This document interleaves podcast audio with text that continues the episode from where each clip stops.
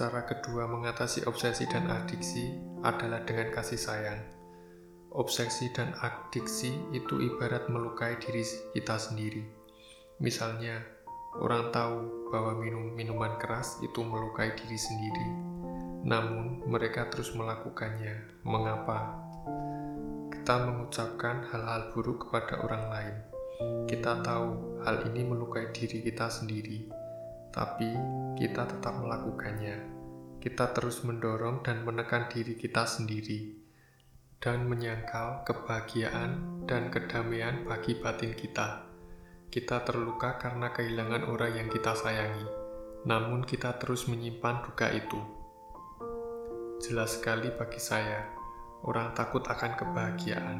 Mereka tidak mau bahagia bebas dari masalah tidak mau terbebas dari obsesi dan adiksi.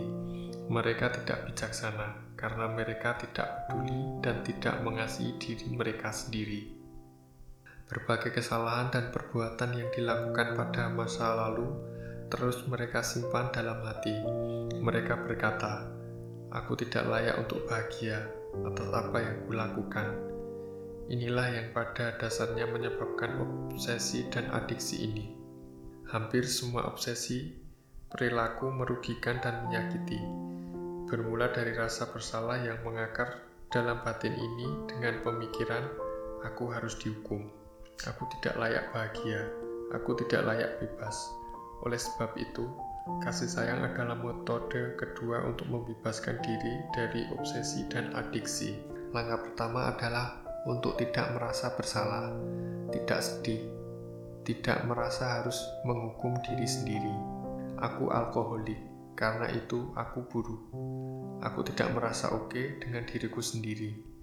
Karena itu aku harus minum lebih banyak alkohol. Aku sedih karena perbuatanku. Aku tidak layak bahagia. Aku menyebabkan orang lain ikut sedih karena amarah dan niat buruk. Ini membuatku semakin sedih lagi.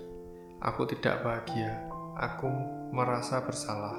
Aku harus dihukum. Siklus melukai diri sendiri ini di barat disebut kurang memiliki rasa percaya diri. Sering kita merasa, saya ini orang hebat, saya ini orang biasa saja, atau saya ini orang kecil. Dalam Buddhisme, ketiga perbandingan ini disebut tiga jenis kesombongan. Kesombongan bahwa saya lebih baik, sama, atau lebih buruk. Menarik sekali, bahkan jenis yang ketiga pun disebut kesombongan, yakni saya lebih buruk dari orang lain. Kita tidak semestinya mengukur diri kita dibandingkan orang lain. Kita berhenti membandingkan, sehingga lebih baik, lebih buruk, atau sama saja tidak muncul. Ini membuat kita bisa terbebas dari mengadili diri kita sendiri, yang merupakan akar dari rasa bersalah.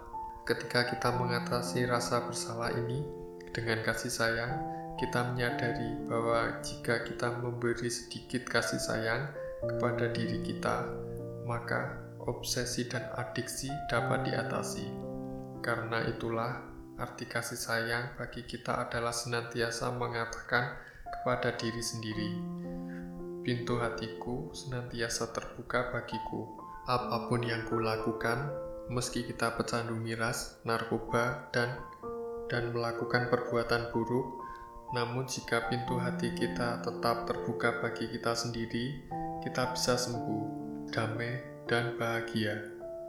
Ketika kita melakukan hal ini, kita sesungguhnya mengalahkan penyebab kebencian terhadap diri sendiri dan perilaku melukai diri sendiri.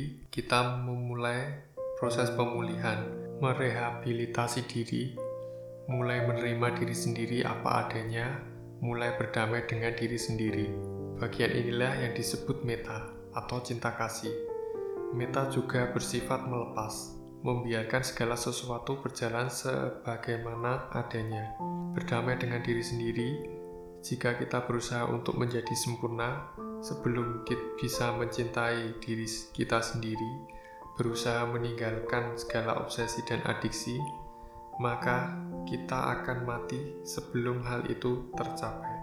Jalan kedamaian adalah belajar untuk damai di tengah ketidaksempurnaan. Belajar mencintai orang meski ia jauh dari kesempurnaan.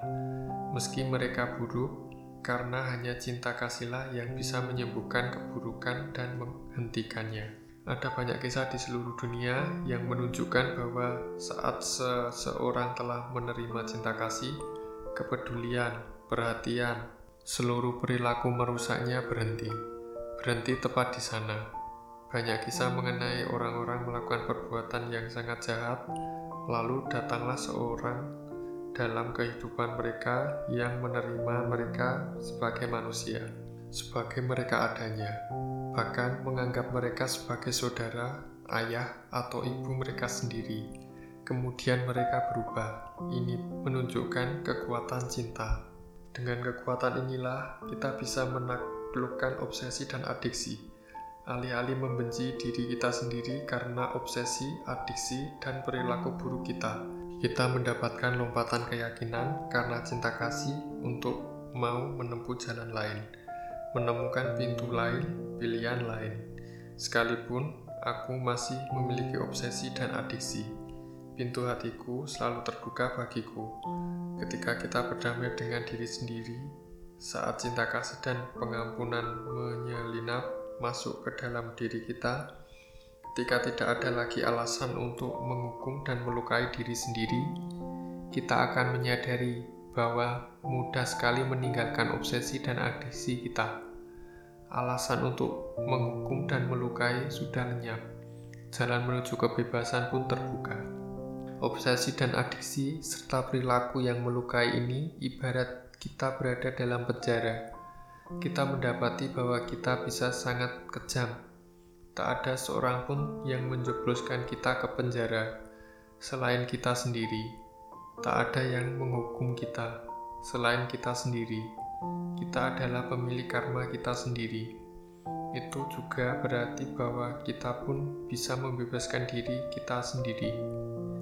Biarlah diri kita pergi, biarlah diri kita damai. Cintailah macan, meski macan itu bisa sangat liar, jinakkan macan itu melalui kebajikan. Macan dalam diri Anda bisa berupa rasa sakit, pikiran mengkritik diri sendiri, pikiran yang selalu mencari-cari kesalahan. Setelah dijinakkan, semua obsesi dan adiksi ini begitu mudah dilepaskan. Sebab agar kebencian terhadap diri sendiri telah lenyap. Anda dengan mudah bisa melepaskan obsesi dan adiksi. Orang hanya bisa marah karena orang lain, karena mereka tidak mengasihi diri mereka sendiri, tidak damai dengan diri mereka sendiri. Ketika kita membebaskan diri dari kecanduan, kita akan merasakan begitu banyak energi dan kebebasan kita menjadi begitu bahagia dan memiliki energi untuk melakukan perbuatan baik di dunia ini, untuk melayani komunitas kita, dan meningkatkan angka kebahagiaan nasional di negeri kita.